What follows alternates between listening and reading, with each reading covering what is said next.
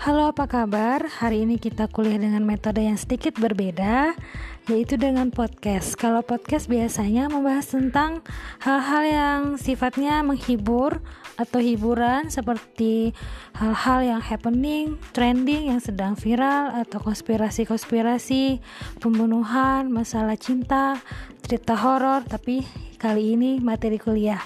Pertemuan kelima, filsafat logika hukum akan membahas tentang sumber hukum, di mana sumber hukum ini berkaitan dengan alasan atau dasar hakim atau penegak hukum dalam menentukan sebuah kesimpulan atau pernyataan dari kasus-kasus yang mereka selesaikan. Sebelumnya kita harus tahu dulu makna sumber hukum apa. Menurut Kamus Besar Bahasa Indonesia, sumber hukum adalah merupakan segala sesuatu yang berupa tulisan, dokumen, naskah, dan lain sebagainya yang dipergunakan oleh suatu bangsa sebagai pedoman hidupnya pada masa tertentu. CST Kansil menyebutkan bahwa yang dimaksud dengan sumber hukum ialah segala apa saja yang menimbulkan aturan-aturan yang mempunyai kekuatan yang bersifat memaksa yakni aturan-aturan yang kalau dilanggar mengakibatkan sanksi yang tegas dan nyata.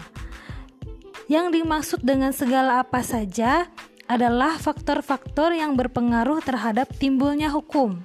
Sedangkan faktor-faktor yang merupakan sumber kekuatan berlakunya hukum secara formal artinya ialah dari mana hukum itu dapat ditemukan, dari mana asal mulanya hukum, di mana hukum dapat dicari, atau di mana hakim dapat menemukan hukum sebagai dasar dari putusannya. Selanjutnya, Profesor Sudikno memberikan pengertian sumber hukum sebagai berikut. Ada lima. Yang pertama, sumber hukum sebagai asas hukum, sebagai sesuatu yang merupakan permulaan hukum, misalnya kehendak Tuhan, akal manusia, jiwa bangsa, dan sebagainya. Yang kedua, menunjukkan hukum terdahulu yang memberi bahan-bahan kepada hukum yang berlaku. Contohnya hukum Prancis, hukum Romawi. Yang ketiga, sebagai sumber berlakunya yang memberi kekuatan berlakunya hukum secara formal kepada peraturan hukum itu sendiri. Ya, contohnya yang memberi kekuatan berlakunya penguasa atau masyarakat.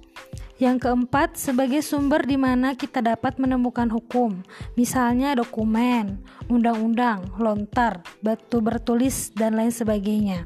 Jadi lebih yang real ya, yang kelihatan bentuknya seperti apa.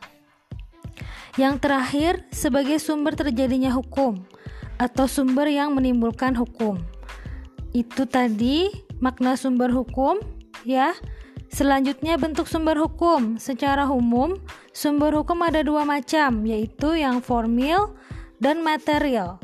Formil itu adalah sumber hukum yang dirumuskan peraturannya dalam sebuah bentuk.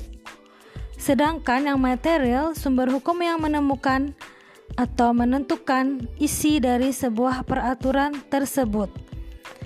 Kansil menyatakan bahwa sumber hukum material dapat ditinjau dari berbagai sudut, misalnya sudut sejarah, ekonomi, sosiologis, filsafat, dan lain-lain.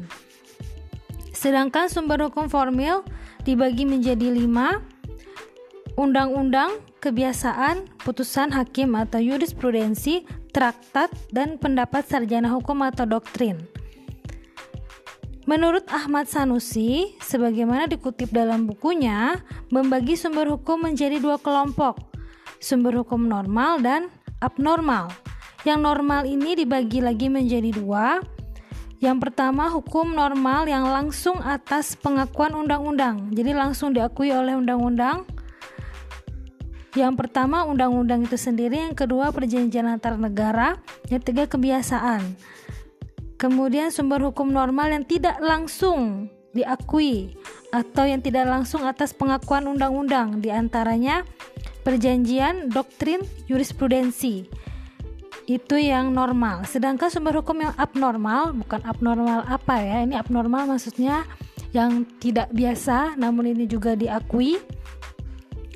Proklamasi, revolusi dan kudeta. Sekian materi hari ini. Semoga jelas. Kalau tidak ada jelas boleh berkomentar atau boleh chat ibu untuk menanyakan apa yang tidak jelas ya itu dulu. Ya sekian dan terima kasih. Selamat ketemu kembali